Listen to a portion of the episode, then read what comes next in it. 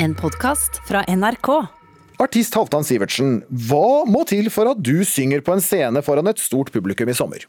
Og Da må vi i hvert fall få kontroll på dette jævla viruset og få det ned både i antall og omfang. Og så må vi kanskje ha disse foreslåtte mm, vaksinepassene for å kunne trekke folk ut på gata én etter én, om så hva.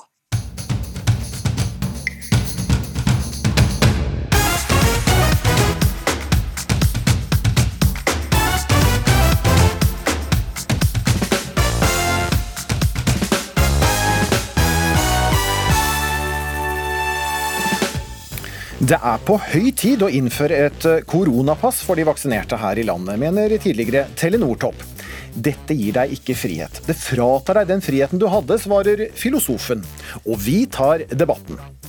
TV-serier og mye omtale gir rånerne høy status, noe som irriterer kunsthistoriker Tommy Sørbø. Det er så kult, det er så jævlig det, og så harry at det nesten begynner å bli pikant og tøft. Mens Staysman er lykkelig over at råning i Bygde-Norge endelig er trendy. Jeg har jo elska bygda og bygdekultur og den bilkulturen veldig, veldig lenge. Og vi må nok belage oss på en eh, sommer med mye norgesferie. Men hvor i landet er det best å feriere? Truls Svendsen, Trude Drevland og Harald Rønneberg tar landsdelskampen her i Ukeslutt. Velkommen til Ukeslutt, altså. Denne lørdagen. Jeg heter Vidar Sem.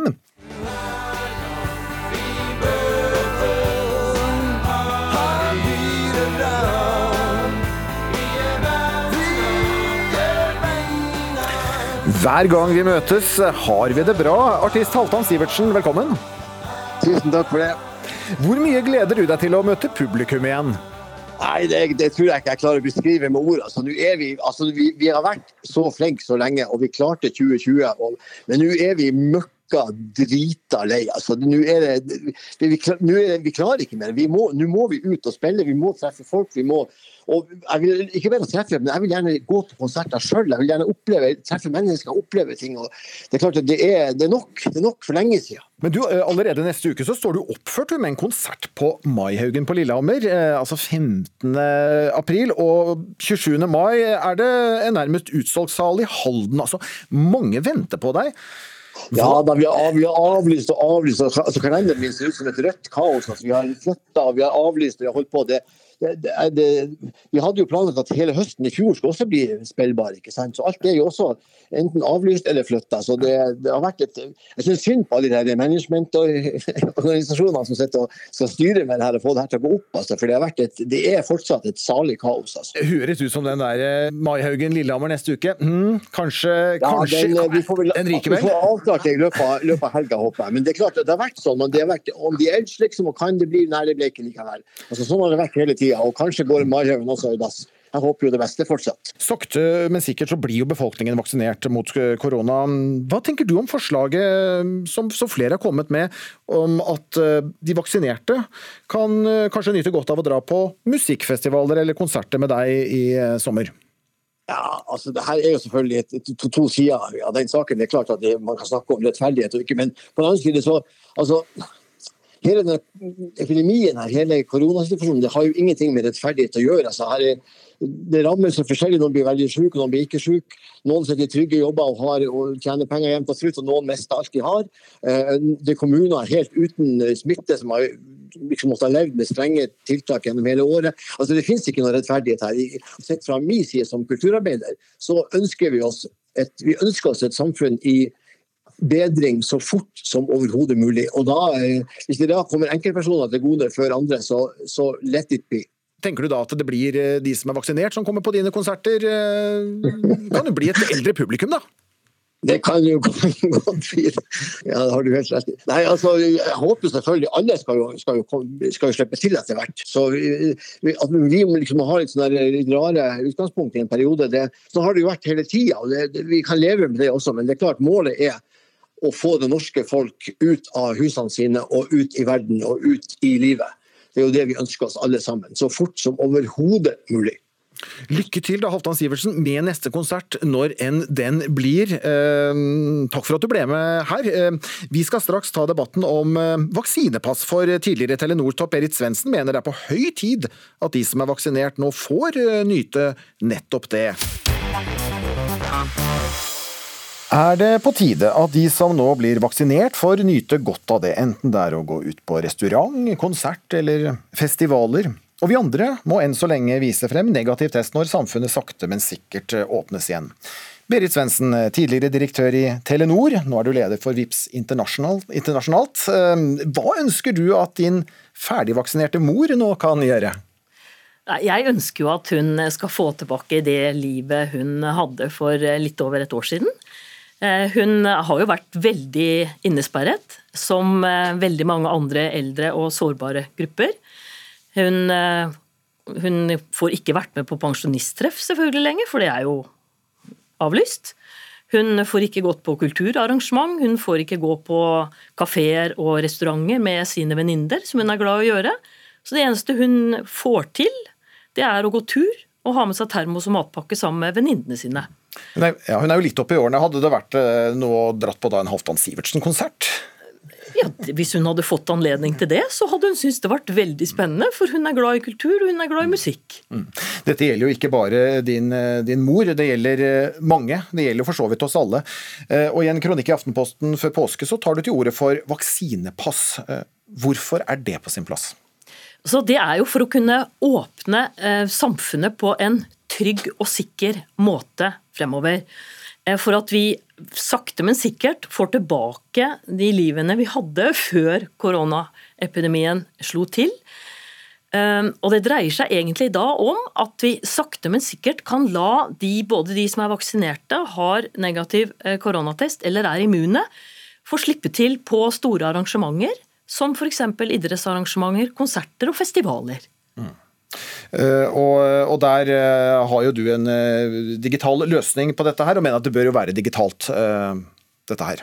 Altså, til å begynne med så går det jo an å bare skrive ut en, en papirkopi eh, av det som ligger inne på vaksineregisteret, for der ligger informasjonen. Eh, men for å gjøre dette, kan du si vi er jo et av verdens mest digitaliserte land, og vi har gode muligheter til å realisere dette på en veldig fin måte eh, på mobiltelefon. Så det er den løsningen vi beskriver da. Mm. Altså, Ifølge Helse- og omsorgsdepartementet, som jeg tok kontakt med, så er det et stykke frem i tid før, før, det, før det, kommer noe. Uh, men det er noe under utarbeidelse. Og, uh, og til TV 2 så har uh, helseministeren sagt at ja, det er snakk om både vaksinerte, men de også som da kan testes seg og få opp et resultat, slik som du, du beskriver her, Berit Svendsen. Einar Øvrenge, professor i filosofi ved Høgskolen Innlandet. Du er ingen tilhenger av dette forslaget som Svendsen kommer med her. Hva kan det føre til? Altså, jeg er jo sterk tilhenger av det åpne samfunn, men jeg tror, jeg tror, vi skal heve blikket litt og si at det er ikke sikkert vaksinepass gir oss nye rettigheter eller friheten tilbake. Det kan heller være en begrensning vi innfører i friheten til å bevege oss rundt og måtte identifisere oss stadig vekk. For det første så er det sånn at Vi har fritt vaksinevalg i Norge, og det har tjent oss veldig godt. Det er et tillitsbasert som har skapt stor vaksinevilje i Norge, 90-95% og det gir flokkimmunitet. Og Det er gode grunner til at vi skal ha det. Og et sånt, hvis vi snakker med et innenlands vaksinepass, eh, som passerseddel, som gir fordeler, så kan det innebære at den friheten ikke lenger er reell, og det kan også bygge ny vaksinemotstand. Og så er det en rekke rettsstatslige prinsipper og rettslige utfordringer som er problemet her. Professor Jusanna Nylund har jo beskrevet dette inngående Juridika.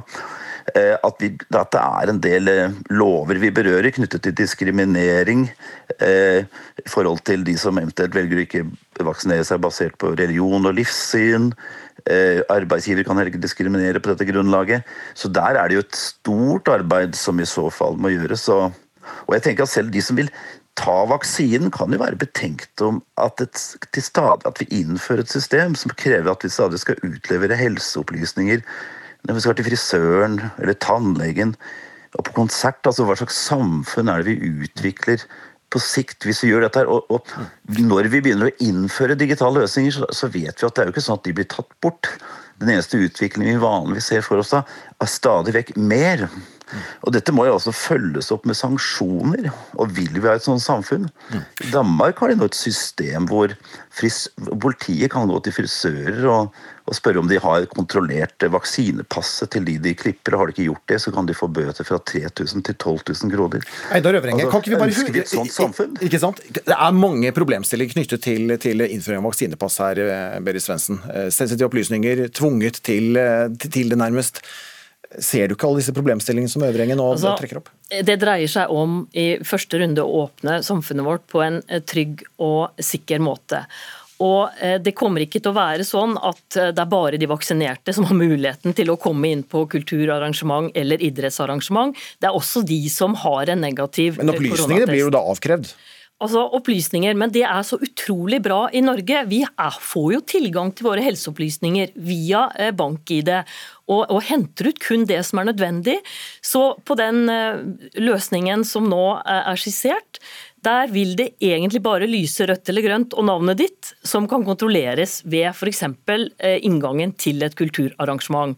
Og Har man grønt, så kan man komme inn. Det er ingen andre data som vil lagres i, i, i forbindelse med dette på mobiltelefon. Så Sånn sett så er ikke dette en, en løsning som, som eh, utfordrer personvernet. Um, Men det er klart at det er eh, Så, så dette er det, Vi mener at dette er en veldig fin måte å gjøre det på. Lite vi får Ja, Øvrenge. Man må jo også tenke litt på la oss si at man, man må tenke på hva slags samfunn man utvikler på sikt. Altså, altså Hvis du skal ikke på, være på vaksinen, men på testing, hva slags samfunn har vi når friske mennesker kontinuerlig skal teste seg for å lure på om de er syke daglig for å kunne komme inn på noe. Uh, unge mennesker begynner å venne seg til dette her, og målet på en måte til slutt blir jo ikke å leve og utfolde seg, men å sørge for å ikke bli smittet. Altså, hva, hva slags samfunn bygger vi opp? på friske mennesker skal liksom hele tiden inviteres til å finne ut om de er smittet av noen ting. Det er jo stikk motsatt vei. Jeg tenker litt tilbake på gamle dager, holdt på å si, hvor det var litt, man strammet seg litt opp og satt, men selv om du er litt snufsete, så gå på jobb. Selv om du er litt snufsete, så stå i det og greier. Det er jo det samfunnet som våre generasjoner før oss har bygd opp. Hvor vi har litt motstandskraft, hvor vi eh, ikke fokuserer på smitte og sykdom som sånn hverdagsaktivitet. Men de hadde jo ikke den pandemien som vi har vært utsatt for, da, Øvrenge. Nei, det kan du godt si, men vi må jo se på når den har lagt bak seg, hva vi bygger videre og hva vi tar med oss. og Det er veldig betenkt når vi lager sånne typer løsninger. Vi har det samme målet, selvfølgelig ønsker vi det åpne samfunn, men jeg tror ikke dette er veien inn i det åpne samfunn. Dette er inn i et samfunn med Selv Dagbladet på lederplass i dag advarer mot dette her og sier at vi må være oppmerksom på at det er ikke nødvendigvis snakk om at dette gir oss nye frihet i den samfriheten bak. Det er å introdusere en hel haug med nye begrensninger og kanskje en tenkemåte som ikke bygger et godt samfunn på sikt. Ja, nå er jo ikke det med vaksinepass eh, noe nytt. Dette er jo noe vi har forholdt oss til eh, bestandig gjennom eh, de gule vaksinasjonskortene fra Verdens helseorganisasjon, som hele tiden har stadfesta hva slags vaksine vi har når vi skal reise utenlands. Og Denne pandemien er jo en veldig spesiell situasjon, og dette vaksinepasset er da tenkt bare å bruke i en midlertidig periode til dette er over og vi har fått den flokkimmuniteten. Så dette er jo ikke noen varige løsninger, men det kan jo hende at det vil dukke opp en ny pandemi hvor, er, hvor det er nødvendig å gjøre de samme tiltakene. Men da vil det jo være en ny diskusjon rundt en, en sånt middel. Nå er det jo den innenlandse jeg i og for seg har kommentert på, ikke sant, som passerseddel. Og et sånt passerseddelsamfunn hører jo ikke hjemme i et åpent, demokratisk samfunn. Og det hører jo helt andre politiske forhold til. Og det er der jeg advarer, ikke nødvendigvis noe som du skal bruke når du driver grensepasseringer. Denne eh, diskusjonen kommer sikkert til, eh, til å fortsette. Eh, Vi vet ikke når det dukker opp, eventuelt hva som dukker opp av sånne koronapass. Vi får se. Takk skal dere ha for at dere ble med i Ukeslutt, tidligere Telenor-direktør og sjef for VIPS internasjonalt, Berit Svendsen, og Einar Øverenge, som er professor i filosofi ved Høgskolen Innlandet. Nå blir det biler, Wunderbaum og asfaltstriper. Han har den fineste Chevy i hele dag.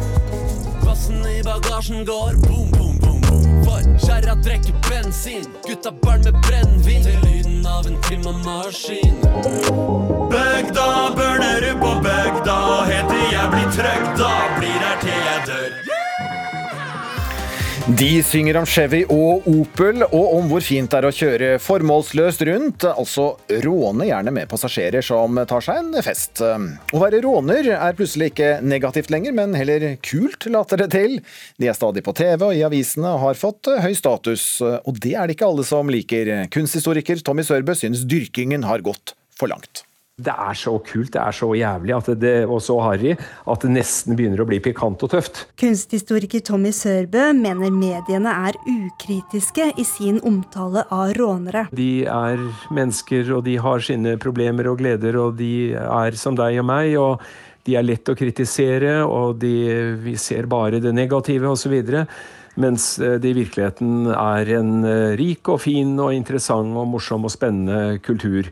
Man legitimerer dette miljøet. I et innlegg i Nettavisen skriver Sørbø at dyrkingen av rånerne gjør at rånerne kan tillate seg mer. Eh, fordi de kjører biler i det offentlige rom, får såpass mye definisjonsmakt, da, så kan du si, eller griper inn i min hverdag og fyller hovedgata i Bø og bråkete musikk og støy og alt det som hører med, så, så er det eh, betenkelig. Men da rånerne i påska svei dekk i Norge istedenfor å gjøre det i Sverige, ble de kritisk omtalt i Norge i dag. Tre personer blir eh, meldet til politiet etter rånetreffet i Sørlandsparken i Kristiansand denne påskeferien. Vi har jo forståelse for at ungdommene har lyst til å ha det gøy. Eh, og det skal de få lov til, men de kan ikke drive hærverk og ødelegge for oss andre. Kurt Mosvold fikk sladda i stykker parkeringsplassen sin i Kristiansand.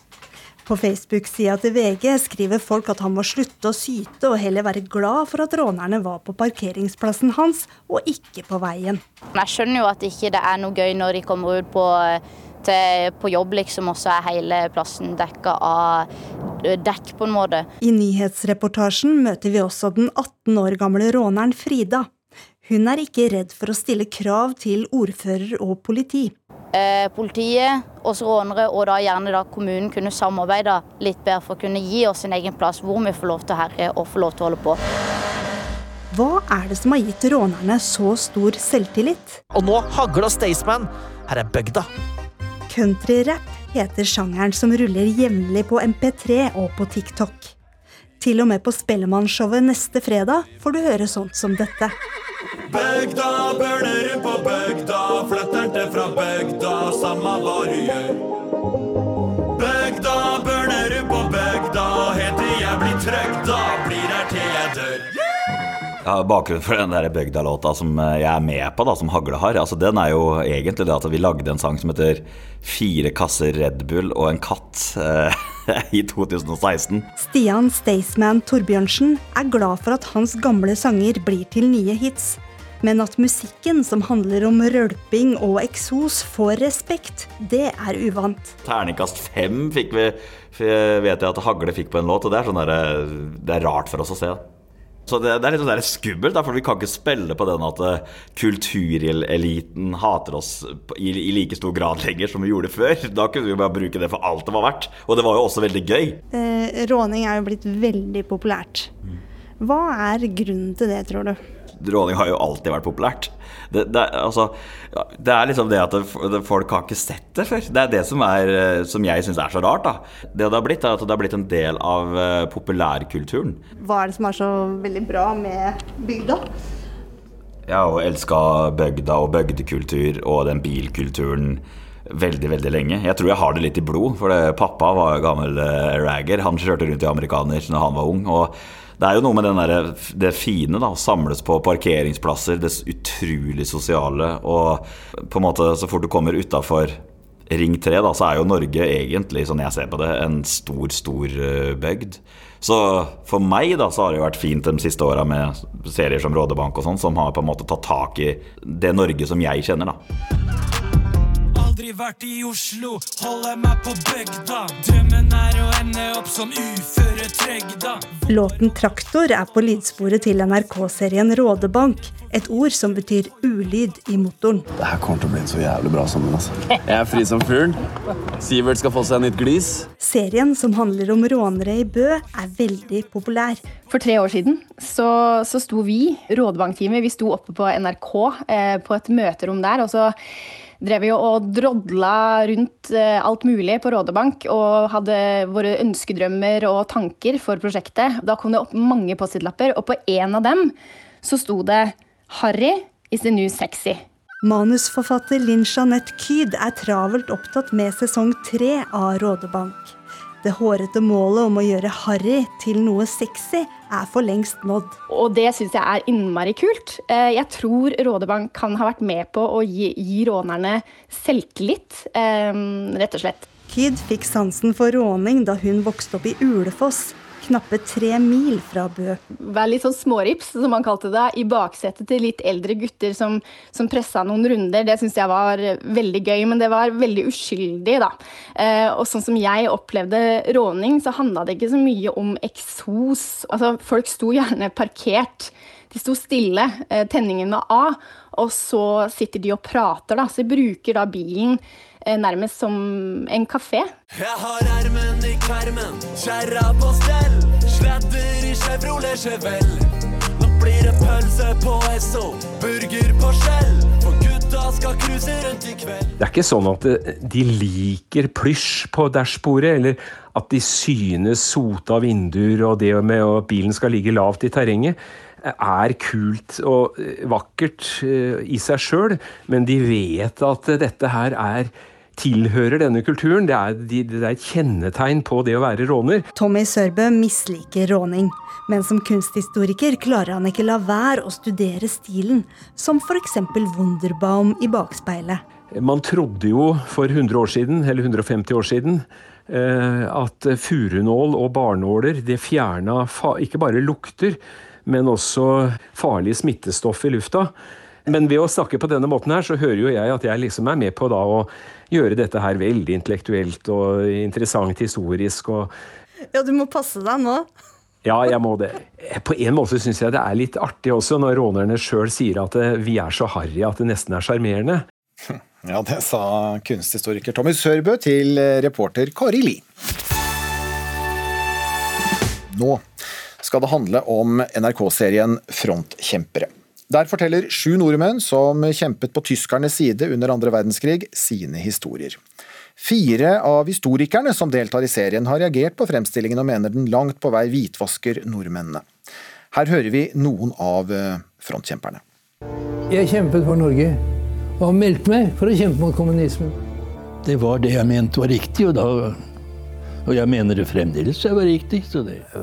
Mye var eventyrlyst. Det var bland, blandede motiver.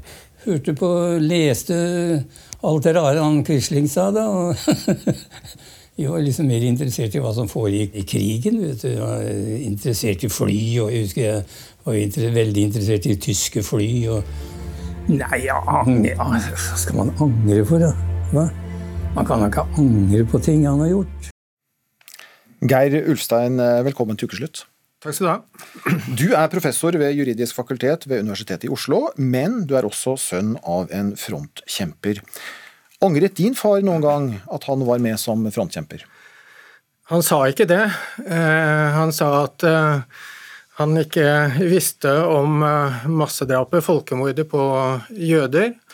Vi fikk aldri noe god egentlig samtale om hans syn på sakene. Men jeg opplevde at han sto på mange av de tingene. Litt sånn som vi hører om frontkjemperne i denne serien. Når fikk du vite at din far hadde vært frontkjemper? Jeg vet ikke akkurat, men det var nok tidlig i tenårene. De prøvde å skjule det tidligere, som jeg syns for så vidt på etterskudd var helt greit. Men, men eh, far hadde en skade fra krigen. Han ble alvorlig såret med et granatangrep, og han haltet etterpå. Og Historien husker jeg da jeg var liten, var at han hadde falt i en skibakke og skadet seg. Så jeg visste ikke noe, men etter hvert så fikk jeg jo noen mistanker, og så fikk jeg da sannheten om slik han så det. Mm. Og Hvordan snakket du og din far om det da, at han hadde vært frontkjemper? Det skapte Jeg syns det var veldig vanskelig. Han syntes at det var veldig vanskelig å snakke om det. Og jeg opplevde det på, på, forskjellige måter, også gjennom hans syn på raser, syn på helter osv. Og, jeg reagerte veldig negativt og aggressivt på det, sånn at det ble aldri noen god samtale om det. Så jeg har aldri på en måte hørt hans eh, versjon eh, fullt ut, fordi eh, det, det, var så vanskelig å snakke om det. Ja, han hadde ideologien der? Han hadde han var en nasjonalromantiker. Hamsun var det flotteste som fantes, så han hadde helt klart synspunkter som var i samsvar med, med NS-miljøet. Hvordan har det vært for deg å leve med at faren din var frontkjemper? Ja, Det var jo eh, vanskelig i forhold til faren min. Eh, man skal jo helst være stolt av eh, faren sin, og det skapte problemer mellom oss. Det skapte problemer i familien, fordi at Broren min likte gjerne å snakke om det, og jeg fikk da rollen som megler og styre unna alle vanskelige samtaler. Og, og utad, utenfor familien, så var det skammen. Eh, det var den store hemmeligheten som eh, jeg aldri ville fortelle. Sånn at eh, jeg ble mer lukket enn det jeg ellers ville vært. Når kunne du snakke om dette her, da? Du gjør det nå? Ja, jeg gjør det nå. Nå er jeg snart 70 år. Jeg, jeg begynte ikke å, å, bearbeide og snakke om det før jeg var godt og vel 40 år. Eh, sånn at eh, dette var en hemmelighet og en skam som jeg bar på veldig lenge. Mm. I eh, NRK-serien Frontkjempere så forteller altså sju nordmenn som var med på tysk side sine historier. Hvorfor er denne serien viktig, mener du?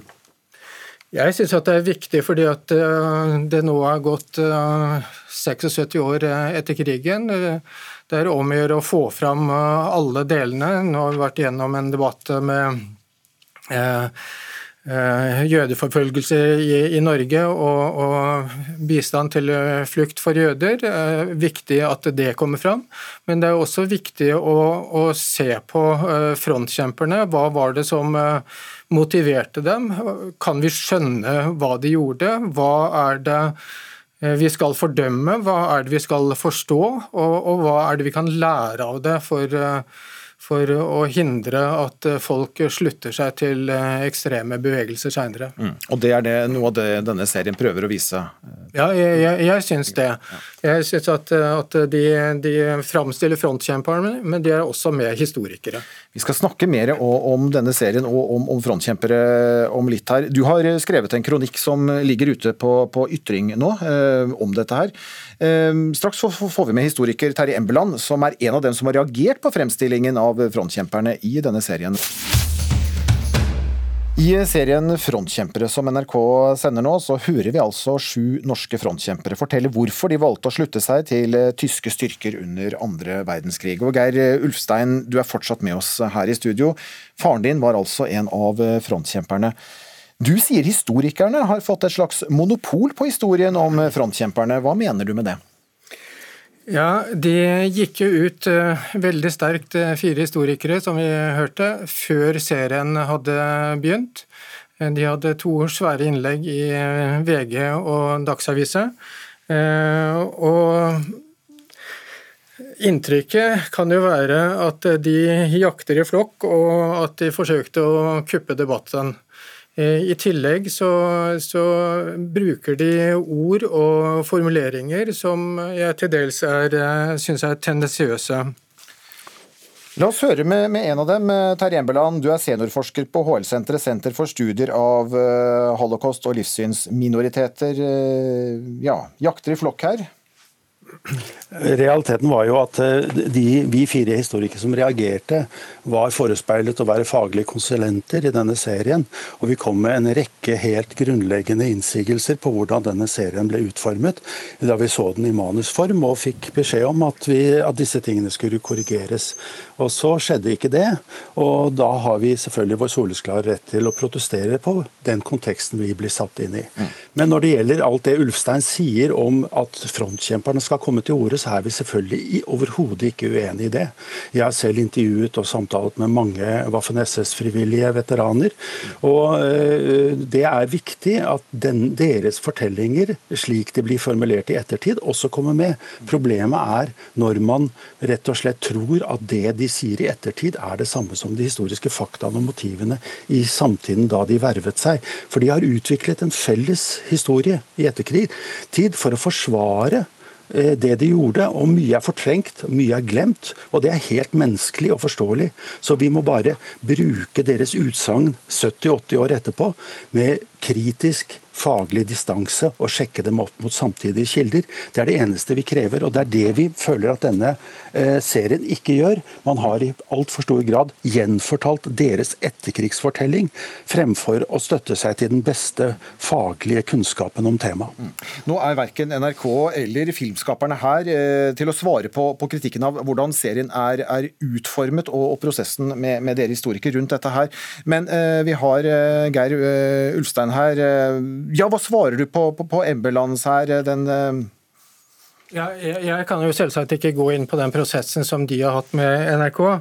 Men, men det jeg syns er at eh, serien får fram eh, bra at det er ikke noe tvil om at frontkjemperne kjempet på feil side. De kjempet på nazistenes side. Serien viser også at sånn som historikerne eh, mener, at dette ikke bare var en erobringskrig, men en tilintetgjørelseskrig på østfronten. Og, for det tredje at, at eh, Waffen-SS og, og nordmennene var med på krigsforbrytelser. Dette får serien fram. Og, og jeg syns at det er litt eh, rart at eh, historikerne sier at eh, serien påstår det ene eller det andre. Serien viser fram historien til disse frontkjemperne. De får lov å fortelle i fred. Og så er det sju fagpersoner som, som gir uttrykk for hvordan de ser på historien. Og, og Da er det jo naturlig for seerne å legge større vekt på det faghistorikerne eh, sier om de faktiske historiske, forholdene. Men er, er- det en fare at eh, man etter så mange år eh, ja, skjønnmaler eller hvitmaler eh, disse sju frontkjemperne? ja, de angrer ikke. Snakker de sånn som de har tenkt? Nei, eh, det tror jeg ikke. Jeg, tror at eh, i likhet med, med faren min, at, eh, at de vil ha store vanskeligheter med å anerkjenne at jeg har gjort gale ting, og grovt gale ting. Men jeg syns at det er interessant i seg sjøl. Og, og det kan kanskje avspeile også den manglende forsoningsprosessen som har skjedd eh, i alle de årene etter krigen. Eh, Nå er det på tide å få fram eh, alle tingene, og ikke passe på hele tiden at, at man skal korrigere det som blir sagt. Vi, vi må tåle å høre frontkjempernes versjon nå. Er ikke det et poeng da, Terje Embeland? Tåle til så mange år å høre, høre frontkjemperne? Ja. Selvsagt, men realiteten er at i veldig mange tiår etter krigen så var det frontkjempernes egen fortellinger i form av selvbiografier, i form av eh, ukritiske journalistiske fremstillinger, som var den rådende eh, i norsk historieskrivning om de norske Waffen-SS-frivillige. Nå har vi hatt eh, derimot en omfattende både internasjonal og nasjonal forskning på hva som var deres motiver, hvem de var, hva de deltok i, karakteren av den krigen de deltok i. Og det eh, er da også på tide, faktisk, og det er det vi sier, at det er på tide at denne konteksten blir tydelig når man også presenterer frontkjempernes egne egne etterkrigsfremstillinger. Fordi det jeg har opplevd når jeg har snakket med dem, er jo at det er et veldig hardt skall av en sånn felles fortelling som de gjemmer seg bak, og det er helt forståelig og menneskelig. De var med på traumatiske ting, og de har behov for å gå videre i etterkrigstiden, og dermed så blir det en felles fortelling. Men i noen ganger så kan man jo også komme gjennom skallet, og det har jeg klart ved et par tilfeller, hvor, uh, hvor bl.a. Uh, altså to frontkjempere har eh, fortalt meg at de har deltatt i massakrer på jøder.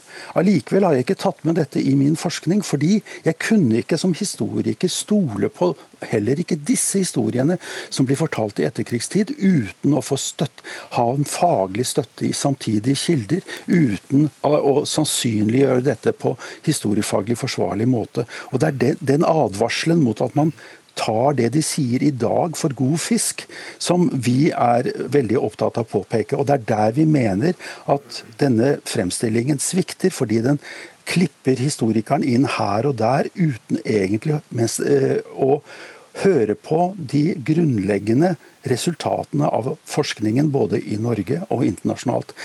Eh, Så, så det er det som er problemet. Vi vil gjerne høre frontkjempernes stemmer. Vi vil gjerne høre deres historier, og det har vi gjort ganske mye, faktisk. Ja, og nå vil gjerne Geir Ulstein også høres her. Ja, for det du sier om memoarer ja, på 40-50-tallet, men den rådende historien var jo eh, hvitt og svart. Det var helter og skurker. Det var det som var den rådende historiefortellingen. Eh, og, og nå er det eh, på tide å, å høre litt andre ting. Og jeg er også eh, ganske kritisk til måten dere har gått ut på å kritisere. Dere skriver om at serien har teatralske scener om slit og savn og krigens brutalitet, krigseffekter, blod og gørr, musikalsk tonesatt à la Hollywood, om tragiske private skjebner, men nesten ingenting om nazisme. Dette her er ord som skaper motvilje, motstand, som, som dere spiller på, eh, og som dere serverer før serien starter. Og så sier dere at eh, frontkjempernes fortellinger får like stor vekt som historikerne. Det er jo ikke sånn det er. Eh, Den som vil se på i dag, vil selvsagt legge større vekt på historikernes fortellinger eh, om de faktiske forholdene eh, og om de reelle motivene. Men det er likevel interessant å, å høre frontkjempernes fortellinger. Og, det, og akkurat det siste virker det som vi er enige om, men, men det som du hele tiden sier, og, og dere fire sier, er at eh, frontkjemperne og historikerne får like stor vekt. Det, det syns jeg er lite troverdig. Og eh, altså Det var jo rundt 3000 helt, ja, helt kort, eh, Emmeland. Ja, nei, men Det er fordi at eh, frontkjempernes subjektive fortellinger i etterkrigstid blir dramatisert i veldig påkostede reenactment-steder, som gir dette en ekstra troverdighet som historiske fakta. Det er den filmtekniske formen som denne dokumentaren har fått, som gjør at denne vekten eh, blir helt skjev, hvor man sidestiller disse historiene med, eh, med, med faghistorikernes eh, kommentarer. Så det er ikke det at altså Det er på en måte den helhetlige inntrykk man sitter igjennom med ved hvordan, hva som er vektlagt gjennom dramatiseringer osv. Ja, og som sagt så er ikke filmskaperen her, og, og, og heller ikke NRK. Det var altså rundt 3600 nordmenn som ble frontkjempere i tysk eh, tjeneste. Og det er vel kanskje da vanskelig å skulle gi, gi summen av motiver og deltakelse både, i- både i en serie og, og også i, i forskning. Ja, ja, selvsagt så er det vanskelig, men, men vi må nettopp høre disse forskjellige versjonene. Det er viktig, og det gjør denne serien. Nettopp. Der må vi sette strek. Takk for at dere ble med i eh, Ukeslutt, eh, Geir Ulstein, som er altså sønn av frontkjemper, og Terje Embeland, seniorforsker på HL-senteret. Lenge var det en skive, så ble det taster, og telefonkatalogen var ofte rett i nærheten. Ja, det var før det. Likevel finnes det noen som fortsatt sverger til fasttelefon, dog kanskje ufrivillig. Husker du den lyden her? Eller hva med denne? For mange er fasttelefonen et fjernt minne, men ikke for Roy Andresen. Nei, den, den bruker vi jo til alt, den, for jeg har jo ikke mobilsignaler. Andresen driver Norsk Grisefigurmuseum, men han er også en av rundt 85 000 Telenor-kunder her i landet som er helt avhengig av sin fastmonterte telefon i gangen. Sitte der, ja. Og er du utendørs, så får du ikke kontakt med noen, og ingen får kontakt med deg. Telenor har lenge truet med å kutte kobbertrådene, men for de som lever sine liv uten mobildekning, så kan dette få fatale konsekvenser, ifølge Andresen. Si sånn, Vi har jo hatt dødsfall borte hos oss pga. at fasttelefonen var feil og vi ikke kom ut med mobiltelefon. Sånn at eh, personen døde jo før vi fikk tak i henne. Ja, det er, det er jo veldig irriterende at man i Norge i dag ikke bygger hele Norge digitalt. Så Ring meg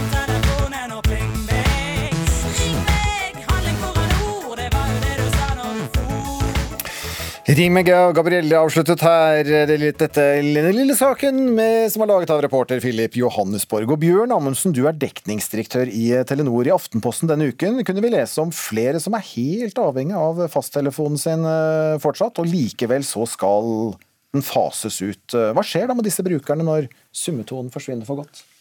Nå var vi faktisk oppe hos Polsro, som jeg regner med at du eh, henviser til i Aftenposten, og så på forholdene i går. Eh, og det er ikke mange, det er ikke 85 000 av dem. Altså. Hvor mange er det da? 2000-3000 maks. Eh, og de skal vi finne gode løsninger på. Det er 85 000 som fortsatt har fasttelefon igjen av privatkunder, men vi skal finne gode løsninger for hver eneste kunde som i dag er avhengig av en fasttelefon. Og dere lover å komme med løsning før dere uh, truer med å klippe av fast telefonforbindelsen? Ja, altså 31.12.2022 så er det slutt. Eh, innen det så må vi ha funnet løsning. Nettopp. Så det er sluttdatoen? 31.12.2022. Ikke mer fasttelefon i Norge? Da er målet vårt at vi skal ha skudd av fastnettet. Og da blir det jo bare mimring igjen. Og eh, Anne Marie Ottersen, skuespiller... Ja, hei. Hei. Skuespiller. Du har levd et liv, som så mange av oss, med både med og uten fasttelefon. Absolutt. Kan ikke du ja, ta oss med tilbake til den gang eh, Den gang da. Ja, den jeg gang kan si at fikk. jeg har også levd et liv uten telefon. Uten vaskemaskin. Uten kjøleskap. Så jeg tilhører forrige, altså virkelig forrige århundre. Men så dukket opp en fasttelefon. Så dukket opp en fasttelefon. altså Tanten min jobbet på Telegrafen. Hun hadde telefon. Og de bodde, var naboene våre. Men så dukket opp en fasttelefon. Pappaen min var lokomotivfører. Han fikk en tjenestetelefon. Og den var, måtte gå innom eh, stasjonen på Kongsberg. Og vi jentene i tenåringsalderen da, vi var ivrige brukere av den, og til slutt ble han fratatt den. Av ymse grunner. Jeg tror de hørte på samtalen, og det Hva, var kanskje ikke så hva, hva ålreit var det dere brukte det til? Hva, hva var samtalen? ja, det var nok ymse. Vi var i tenåringsalderen, så det var litt gutter og litt sånt noe, tenker jeg. Og det var ikke det den var i da, liksom. Så han mista den, men vi hadde jo tanten min som vi kunne. Og så gikk vi på Telegrafen. eh, Og bestilte rikstelefon. Satt og ventet. Fikk om ti minutter, ble oppropt. Altså, det var tyngre tilstander. Og jeg, da jeg studerte i, i Oslo, så måtte vi ut i kiosken. Vinterstid, iskald, sto jeg der med kronestykkene mine og prøvde å få sagt det jeg skulle før kronestykkene tok slutt. Så det var eh, hektiske dager. Det husker jeg. Og de er det ikke mange igjen av disse røde telefonkioskene. Det er noen, dere har noen klenoder igjen, eh, Bjørn? Det er noen som er predet av Riksantikvaren, men eh, du slipper å putte kronestykker ned, i hvert fall. Når ble egentlig telefonen eh, allemannseie i Norge? Fasttelefonen, altså? 96 så var det i hvert fall på det høyeste. Da var det 1996. Oi, så sent? var-? Ja, så sent. Da var det 2,5 millioner fastnettkunder i Norge. Det var jo da omtrent hver eneste husholdning i Norge. For det var jo maks én telefon da, liksom per hus. Og var det fem stykker, så var det jo det du skulle dele på. Så eh, 96. Det var lenge etter at eh, du som tenåring, Anne Marie Ottersen, ja. fikk, eh, fikk eh, fasttelefonen. Hvor revolusjonerende var det da for, for dere å, å- få, få dette inn i huset? Vi fikk det inn i hjemmet mitt da jeg var flyttet. Så jeg bodde uten telefon. Det var derfor jeg snakker om disse kioskene. Ikke sant, det ble Jeg bodde på hybel og hybelleilighet mens jeg gikk på teaterskolen eh, i Oslo. Statens teaterskole. Og da, da hadde jeg ikke noe annen mulighet enn disse boksene. Så sånn var det. Vi ringte litt på skolen, da. Da gikk det an. Det kosta vel litt. Hva, ja. Hva var de store fordelene med, med fasttelefon? Jeg vet ikke om det er noen fordeler i det hele tatt, men, men i, i 85 så stengte vi jo den siste av disse stasjonene som du snakker om med, med sentralbordlammer, Ja, unntatt i Karasjok. Fordi at det der var en ordfører som het Guttorm, og han var så opptatt av at det var en del samer som ikke kunne norsk. Så vi opprettholdt da denne, denne sentralbordfunksjonen der oppe til 93. eh, Og de fungerte også som tolk. Og i 93 var samme året som GSM-en ble innført i Norge. Altså første generasjons, annen generasjons mobilnett. NMT hadde vi jo allerede i 81. Men jeg tror ikke det er så mange som kommer til å savne fasttelefonen når vi skrur av den. Men jeg tror at det er viktig at vi sørger for at alle har et tilbud. innen vi skrur av. Det er det det handler om. Når, når kvittet du deg med, med, med din fasttelefon da? Jeg hadde, det gikk noen år, skjønner du. Jeg hadde den eh, parallelt med mobilen i, i en del år. Bare fortelle den kuriositeten at min sønn han kjøpte en av de første mobiltelefonene som fantes, og den var svær som et vilt dyr, holdt jeg på å si. Det var en kjempekoffert som han hadde i bilen. Så du skjønner at det derre, hva som har skjedd eh, med dette her, det er helt utrolig. Og, og nå, vi, apropos min sønn, så vi snakket om det nå, at hva man Er det noe vi lurer på nå? Så har vi den lille telefonen, og så bare slår vi opp på Google, og så finner vi ut hva det er vi lurer på. Og hvis noen hadde fortalt meg på den tiden uh, at enhver skulle ha sin egen lille telefon med seg overalt, så tror jeg hadde lurt på om jeg var kommet inn i noe science fiction-greier, altså. Det øh, ante vel ikke dere selv i Telenor, eh, Bjørn Amundsen? Nei, og det, det er klart at telefonen i dag er jo Altså Denne telefonen som ligger foran meg nå, er jo mer avansert enn datamaskinen som hadde Apollo opp til månen. Så det har skjedd en enorm utvikling, altså. Så, men jeg sto selv i kø i seks eller sju måneder når jeg flyttet på Bøler på midten av 80-tallet for å få fasttelefon der. Du kvittet deg som sagt med den etter hvert, etter hvert eh, Anne Marie Ja, jeg hadde den litt sånn fordi jeg hadde telefonsvaret på, på fasttelefonen, og det var veldig greit. Og jeg kom hjem og Som skuespiller da, så er det jo greit å få noen beskjeder. Øh, Og kom hjem og spilte av det, og det var, det var liksom automatisert inni fasttelefonen, så det var jo så supert, vet du. Men øh, etter hvert så ble det helt absurd å ha den, for vi hadde jo mobiltelefoner, både, både mannen min og meg og ungene, og så vi kvittet oss med den. Jeg husker ikke når. Vi savner den kanskje ikke, men er det likevel noe som har gått tapt på veien? Jeg syns ikke det. Jeg, jeg, jeg, men det er nok mange jeg vet om. Jeg har bekjente og venner som er litt eldre enn meg, til og med, som, som ikke vil gi slipp på fasttelefonen. Fordi de, det er tekniske utfordringer med dette her, men jeg syns det har vært litt gøy. da, Så har jeg to sønner som er sånn hovedfag i IT, så hvis det var noe, så spurte jeg dem. Gikk på kurs og gjorde jeg òg. Tenker du noe på disse eldre venninnene til Anne Marie Ottersen? Det er noen som ikke vil kvitte seg med fasttelefon, og dere er nådeløse der, Bjørn Amundsen. Vi er ikke nådeløse, skjønner du. fordi at eh, Jeg har en mamma selv som er dement, og hun klarer jo ikke å bruke mobiltelefon. Men hun har da fått en fasttelefon med bilde av søsteren sin og søsteren min og meg.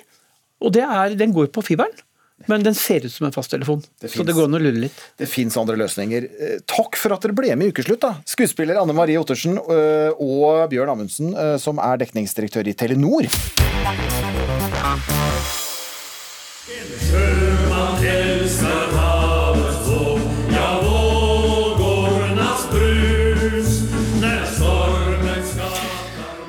Og nå har jeg med meg en ekte sjømann, Hilde Irén Settere Velkommen. Hører du meg? Jo, tusen takk. Ja, der er du. Du er, vet du, du er med oss Ja, en. Du er med oss fra en passasjer- og bilferge som du, du styrer. øh, Den er vel akkurat styrt inn til land, kanskje? Ja, eh, det er eldre ferger som eh, akkurat nå så gikk jeg i bil bare for å ha litt, okay. Litt mindre støy. Du er egentlig på jobb. Og så er du altså sjømann, for det ønsker du å kalle deg. Og styrmann på en ferge som går på Søre Sunnmøre. For du ønsker ikke å bli kalt for skipsarbeider. Og det er jo ja, en politisk målsetting at alle yrkestitler skal gjøres kjønnsnøytrale, som lensmann. Nei, skipsarbeider det er faktisk en tittel som har vært i eh, åtte år. Ja. Eh, men det, googler du eh, den tittelen, så finner du kun utredning til eh, lovverket og litt grann fra Sjøfartsdirektoratet. Du finner eh, ikke at den er i bruk. Ikke sant, Den, den, ligger, den ligger der, eh, men ikke er blitt i bruk. Og, og, og du ønsker at fortsatt sjømann blir i bruk, da. Men det er jo en prosess her. eh, en, en politisk prosess hvor yrkestitler skal gjøres kjønnsnøytrale. Lensmann, eh, fylkesmann har jo blitt statsforvalter, og, og styrmann, for å, å nevne noen. Eh, I en kronikk i Bergens Tidende så skriver du at du er en stolt sjømann. Hvorfor skriver du det? Nei, fordi at eh, den tittelen den har veldig masse historie bak seg, og alle veit hva sjømann er. Eh, og sånn som den f.eks. styrmannstittelen, den ble første gang eh, så jeg har funnet at den var i bruk. Det var i 1279 under Magnus Lagerbøte. Og eh, den tittelen fikk du faktisk tildelt enten av kongen eller en jarl. Eh, og det syns jeg er en historie som er veldig kjekk å ha med seg. Og, og som kvinne så ønsker du altså å bruke ordet, ordet sjømann. Hvilke reaksjoner har du fått på den kronikken du, du, du skrev i Bergens Tidende? Nei, jeg eh, har fått utrolig masse tilbakemeldinger. Eh, jeg hadde egentlig forventa å få veldig masse negative tilbakemeldinger. Men eh, de negative kommentarene det må jeg i grunnen lete godt etter, for nesten alt er positivt. Både ifra jenter og ifra gutter. Så det er tydeligvis ganske mange som mener det samme som meg. Ja, vi har en som kanskje mener noe annet her. Ingunn eh, Selvåg, du er brannkonstabel og jobber som røyk- og redningsdykker i Oslo brann- og redningsetat. Eh, Blir du ofte kalt for brannmann? Ja, det er det som vanligvis er betegnelsen, ja. Mm. Altså er brannkonstabel som er, er den formelle tittelen, men en samlet eh, betegnelse har jo da tradisjonelt vært brannmann. Ja, absolutt. Og du har jobbet i, i brannvesenet i flere år. Hvor lenge har det, det med brannmann vært eh, ja, ugreit for deg? Altså, det er ikke direkte ugreit. Jeg personlig trives godt med at folk sier brannmann. Det plager ikke meg. Da er jo et ord på lik linje med sjømann, kanskje, sånn som Hilde ønsker å bli kalt. da. Men Men eh, jeg har tankene mine og dette har nok modnes en del de siste ti årene. Eh, jeg tenker at ordene er viktigere enn det jeg tenkte de var før. Og jeg mener at vi ved å skjønne titler kanskje hinter om at enkelte yrker er mer ment for det ene eller det andre kjønnet. Og det tenker jeg at er unødvendig. da. Så Hilde og jeg og mange andre kan jo gjerne kalle oss det vi vil. Det mener jeg vi skal fortsette å gjøre. Men jeg mener samtidig at vi kan tilstrebe at alle offentlige etater, medier osv. Eh, bruker disse kjønnsnøytrale titlene, slik at alle tenker at dette er noe de kan gjøre. da, For det er det jo faktisk. I brannvesenet så er det jo relativt få kvinner enn så lenge, 3,2% tror jeg det var, av, Ja, det er der, ja. av, av styrken. Eh, hvor mye tror du det vil ha å si da, for rekrutteringen til yrket, at man, at man endrer? Altså, det er veldig interessant, da. fordi sånn som Hilde sier, så tenker hun at alle vet hva en sjømann er. Og det tror jeg er tilfellet hvis du spør 40-åringer i Norge i dag, så vet alle hva en sjømann er, og tenker kanskje også at en kvinne kan være det. Men hvis du spør datteren min på fem, så vet ikke hun nødvendigvis hva en sjømann er, men hun hører at det er noe med mann. Og da tror jeg kanskje at hun ikke ser på det like aktuelt som hvis det hadde vært sjøfartsarbeider eller skipsarbeider eller en annen tittel. Um, så derfor tenker jeg at det kan er noe man bør tenke på, da. Mm. Ja, Hilde Irén Sætre, når de som kommer etter oss øh, kanskje har en annen oppfatning rundt dette her, øh, er det da på tide å endre at en mann blir noe annet enn mann når det er en kvinne i rollen? Eh, nei, jeg eh, tenker vi må heller eh, gi de unge litt mer eh, språkhistorie og historie generelt, sånn at de forstår hvor det kommer fra. For eh, ordet mann er norrønt og, og betyr menneske. Eh, og titlene de skal eh, forklare litt hva for en stilling du har. Og mange av de nye titlene de er ganske intetsigende, eh, som en, jeg liker f.eks. ikke statsforvalter i stedet for fylkesmann, for det er mange ulike steder i staten du kan sitte og forvalte. Eh, Så at det, faktisk i fylket du sitter, da sier tittelen ingenting om. Men det at ordet, ja, jeg hører med Ingunn Selvåg, det at ordet altså mann er menneske egentlig, eh, Ja, men Det er akkurat der problemet ligger. Hvis man skal lage et problem av det. da, At det, mannen er på en måte det primære, og så er da kvinnen av art av det. Og jeg mener det blir, blir feil. Du kan jo se på Fylkesmannen, da, som er et veldig interessant tilfelle. Det er ikke så mange statsforvaltere, mannlige sådan, da, som hadde trivdes med å være fylkeskvinner. Hvis du snur på det, så tror jeg kanskje man skjønner litt absurditeten i det. da. Uh, og til rekruttering, bare for å si det, det du spurte om i stad, så er det jo eh, helsesykepleiere, som før het helsesøstre, det ble jo byttet i 2018 eller 2019 eller noe sånt nå, de så en 50% økning av mannlige søkere til studiet når de byttet tittel. Altså dette er viktigere enn det Hilde later til å tro. Men hva kunne du tenke deg å, å, å bli kalt, altså hvis man har en generell eh, benevnelse for, for brann? Altså brannfolk eller brannkvinne? Ja, ja. Branntante? Jeg blir glad da, når jeg ser at folk eh, skriver brannfolk. Det ser jeg jo stadig oftere i avisene. Har ikke du brukt branntante? Jo, jeg fleipa med det en periode når jeg syntes brannmann var litt utdatert. At jeg like gjerne kunne være branntante. Det er jo akkurat like utdatert som barnehagetante, som vi heldigvis har sluttet å kalle alle pedagogene som jobber i barnehagene rundt omkring. Brannfolk er eh, ålreit. Brannfolk er en god mulighet, ja. ja. Og Hilde Irén Sætre, helt til slutt her. Hvor lenge tror du da at sjømann kommer til å, å være en beskrivelse i ditt yrke?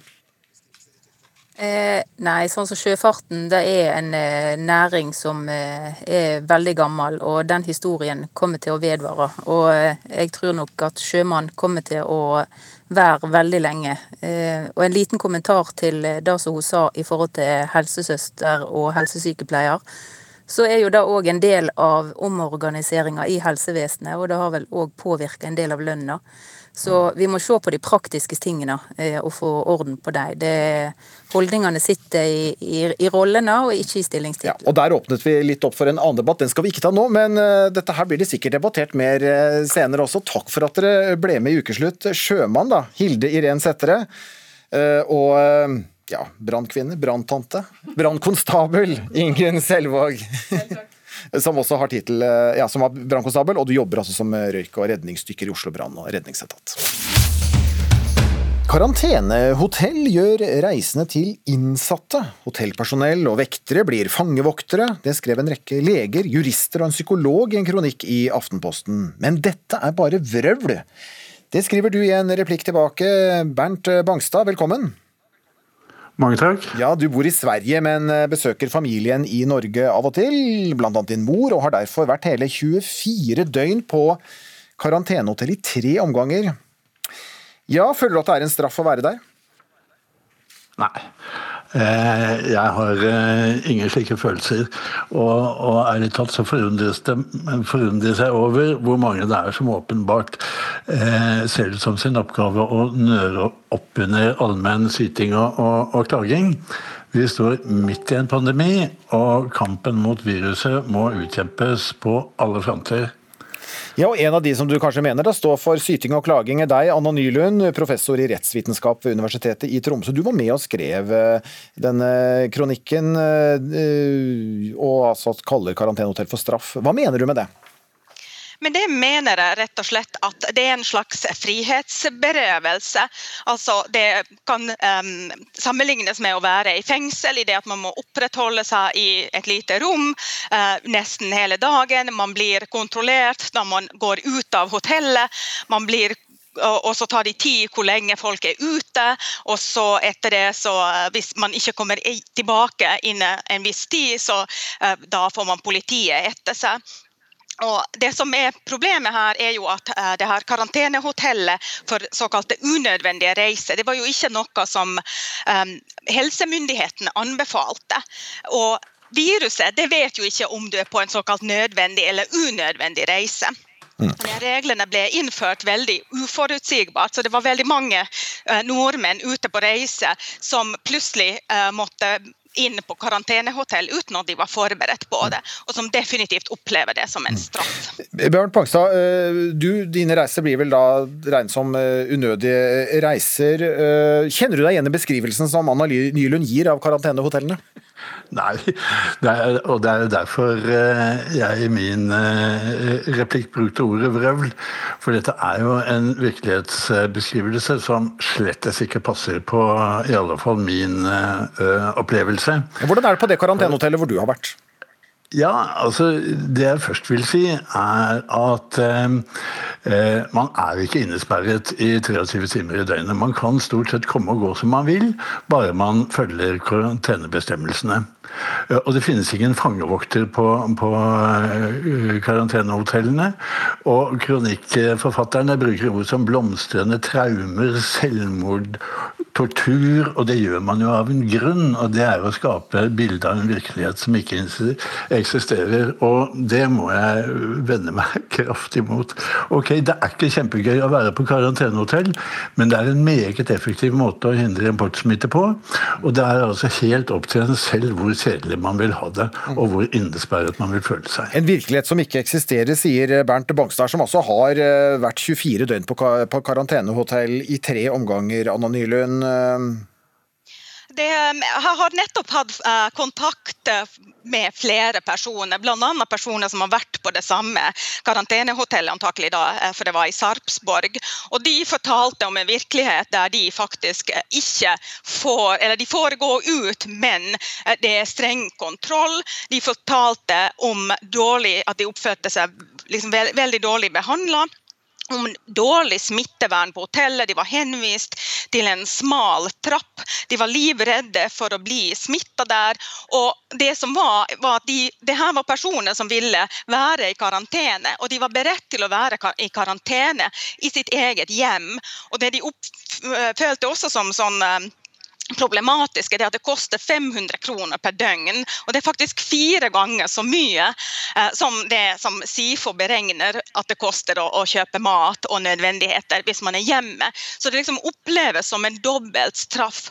Og Hedvig eh, Montgomery det var hun som hadde vært på et av de her hotellene på Gardermoen. og Hun er psykolog og hun beskrev folk som var i psykisk ubalanse. og det er også andre som har tatt, tatt, kontakt, som har beskrevet at de er redde for seg sjøl og for andre, og at de oppfatter at de blir strengt kontrollert, og at det er dårlig smittevern på de hotellene. Sånn at paradoksalt så blir man utsatt for smitte. Men uh, dersom man hadde istedenfor dratt hjem til sitt eget hjem, så ville man ikke ha vært utsatt for smitte.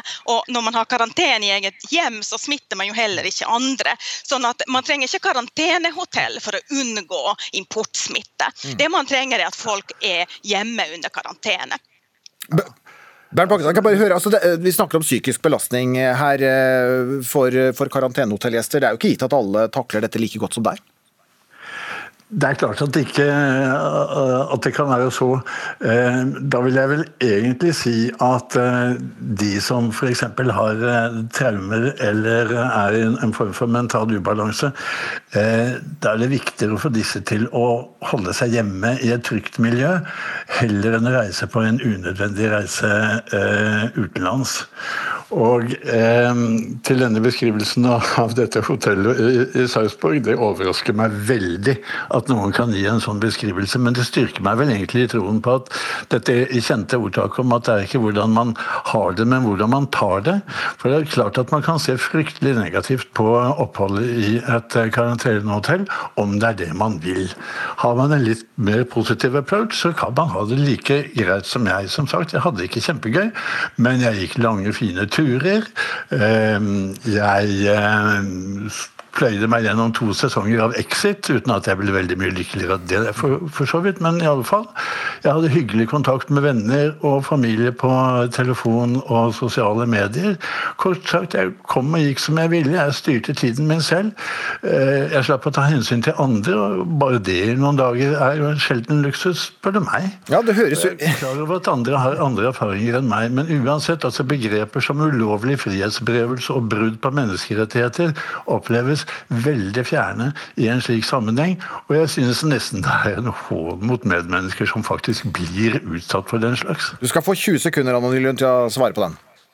Det her er faktisk en krenkelse av Den europeiske menneskerettighetskonvensjonen. Og det er også viktig at vi opprettholder rettsstaten under pandemien. Pandemihåndteringen skal skje i tråd med rettsstatsprinsipper. og Da kan vi ikke sperre inn folk uten at de har klagemulighet, og sånn at, at innsperringa er plutselig uforutsigbar, og at den blir tilfeldig brukt. Vi får i hvert fall konkludere med at uh, hotellerfaringer uh, kan, kan, være så mangt, også når det gjelder karantenehotell.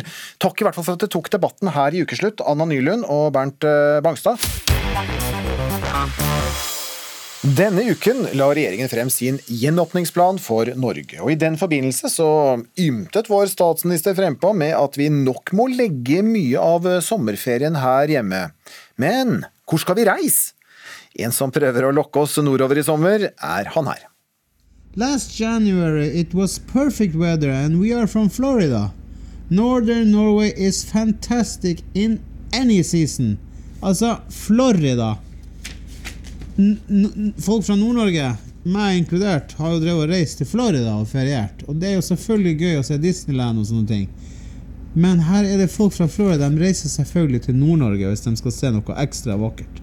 Det er bare Hele verden syns Nord-Norge er flott. Og hvorfor sitter vi da nordmenn, søringer, og ikke reise opp dit før vi reiser til resten av verden. Ja, dette er komiker og programleder Truls Svendsen, som sammen med blant annet eh, Nordnorsk Reiseliv og Visit Norway promoterer Nord-Norge som et reisemål i sommer. I en video så prøver han å komme gjennom 13 000 tilbakemeldinger landsdelen har fått fra utenlandske turister. Og skal han selv beskrive Nord-Norge og lokke ukeslutts, ukeslutts lyttere til landsdelen, så gjør han det med disse ordene. Det er helt klart at det er natur eh, og omgivelsene Altså naturomgivelsene er bare helt fantastisk i alle de tre nordnorske fylkene. Og eh, hvor enn du eh, går, så får du servert fantastisk mat. Nydelige råvarer, det er god drikke, folk er lett på tråden. Det er, det er trivelig i det hele tatt. Så du, du kan, det kan ikke gå galt. Men god mat å drikke får du det andre steder i landet òg? Det, det, gjør du, men ikke, um, ikke så, så, bra som å spise det til liksom, lyst hele natta og omgivelsene. Mm. Så hva er det søringene går glipp av å ikke besøke Nord-Norge, da?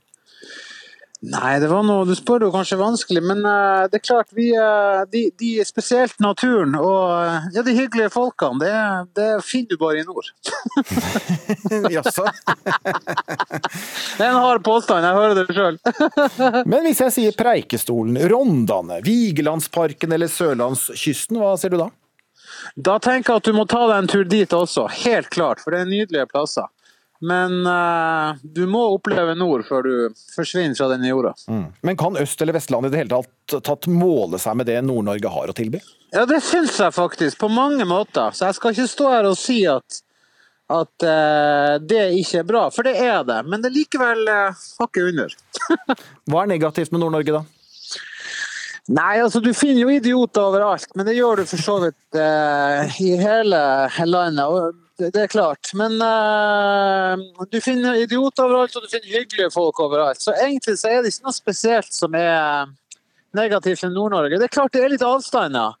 Så du må ha litt god tid når du først er her. Du må ikke tenke at, uh, at T-banen kommer om ti minutter. Mm. bare, For det gjør han ikke. Han, du, du, må roe ned. Mm. Hvis jeg sier mygg, surt, kaldt da, Mygg, altså det finnes det jo spray mot. Surt og kaldt. Da kler man på seg. Så enkelt er det. Ja, sa komiker Truls Svendsen. Eh, men her i Ukeslutt så nøyer vi oss ikke med bare å lokke mot nord. Eh, hva med lokking i både øst og vest? Programleder og humorist Harald Rønneberg, du slår et slag for Østlandet. Hvorfor skal folk reise hit i sommer? Ja, det er jo absolutt. Og uh, Truls har et godt poeng. Eh, Nord-Norge er jo fantastisk. Men Østlandet, det som er litt artig med Østlandet, er jo at vi er på mange måter Vi er jo førsteinntrykket til veldig, veldig mange. Så jeg som haldenser er, og oppvokst ved Svinesundbrua, jeg er jo vant til å ta imot turister som opplever Norge for første gang. Og, så vi er jo veldig vant til å være svært gjestfrie, sjarmerende, vakre mennesker som skal gi alle besøkende verdens beste førsteinntrykk inntrykk av Norge. Og så har jo Østlandet Norges største by, så du kan få urbane, fantastiske opplevelser. Vi har nydelig fjell og natur. Nei, jeg syns at eh, Østlandet har eh, oppsiktsvekkende mye fint å by på. Altså. Jeg må si det, Vidar. Jeg kunne holdt på lenge nå. Jeg kunne snakka så lenge og trodde ikke kom til. Det syns jeg er litt uhøflig. Og så er kona mi fra Bergen, så jeg må være litt forsiktig på hva jeg sier om Vestlandet. Du, La oss gå til Bergen, Harald Rønneberg. For Trude som du snakker om, det er jo Trude Drevland. da. Tidligere ordfører i Bergen og ja, stor eh, vestlandspatriot. Jeg regner med at du ikke er helt enig med Harald Rønneberg her, og ja, vil heller at folk reiser til Vestlandet på ferie i sommer. Hva kan dere lokke med? Du vet, Vi kan jo lokke med alt. Alt det som eh, Harald så forsiktig forsøker å fortelle at de har på Østlandet. For øvrig er det jo litt urettferdig å spørre meg med den dialekten etter at Truls har promotert min landsdel, og jeg som elsker å reise til Østlandet. Men når vi begynner med Vestlandet, så blir jeg aldri ferdig. Fordi at vi kan begynne med Ålesund, eh, Jugendbyen, og så kan vi bevege oss via Geiranger og til Mørekysten og ut til Veiholmen den mest pittoreske fiskelandsbyen i verden, hvor du får den nydeligste mat og det mest praktfulle hotell. Midt ute i havet. Til og med campingturister. Og ellers så du, er det jo naturlig via Stryn Og Strynefjellet med både klatring og heis opp til restaurant. Og mat og drikke og Astrup i Sogn og Fjordane. Og da må du jo bare begynne eller slutte i Bergen. For da kan du altså ha med deg unger, voksne, eldre, unge, hvem du vil. Og du vil altså ifra Akvariet via Bymuseet til Fløyen og til Ulriken. Og Altså, må bevege deg i vakre Bergen. Altså, jeg lurer egentlig på hva er det dere holder på med? Du blir sliten turist, dette her. Jeg trodde Drevland. Altså, Truls sa du måtte ha god tid i Nord-Norge. Du må jo sette deg et helt liv på Vestlandet. Ja, ja, men Eh, men jeg- mange si. Trude, vi har også, på Østlandet har vi også heis opp til restauranter. Altså, du kan ta heis opp og få deg mat og drikke her òg. Men Trude har jo helt rett. Vestlandet er nydelig. Det er jo så mye. Men det har vi på Østlandet òg. Vi har jo fjell og vakre daler. Og nå står jeg sjøl i Numedal, på Rødberg, på vei opp til Uvedal, der vi har hytte. Der får du nydelig høy, høyfjellsnatur, og du har jo Nei, altså, her kunne vi holdt på i dagevis. Og jeg må jo hjelpe deg, for med Vigelandsparken og alle nasjonale museene og operaen, så har dere jo litt, stakkars. Men Tusen takk, Trude. Nå var du sjenerøs. Men det er klart man må via Vestlandet. Altså, vi har alt. Og så har dere regnet, Trude Drevland. Ja, og vær har vi, og gudskjelov for det. Fordi at de gangene det da er sol og glovarmt, så er altså Bergen ikke til å tro. Og så våren. Men det er jo hvert sjette år, da, Trude. Det blir jo sjelden. Det er klart at hvis du har lyst på sommerferie med et klima som ikke ligner på ja, bortoverregn Ja, du- og spredtskyer, så kan det hende at det er mange klimaflyktninger østover. Du veit det, Trude? Ja, jeg vet det, og jeg er en av de med jevne mellomrom. Men hvis du tenker 2020, hvis du husker tilbake, så regna det mye mer i Oslo enn i Bergen. Og vi hadde så varmt og godt. Og jeg var brun da jeg kom til Oslo.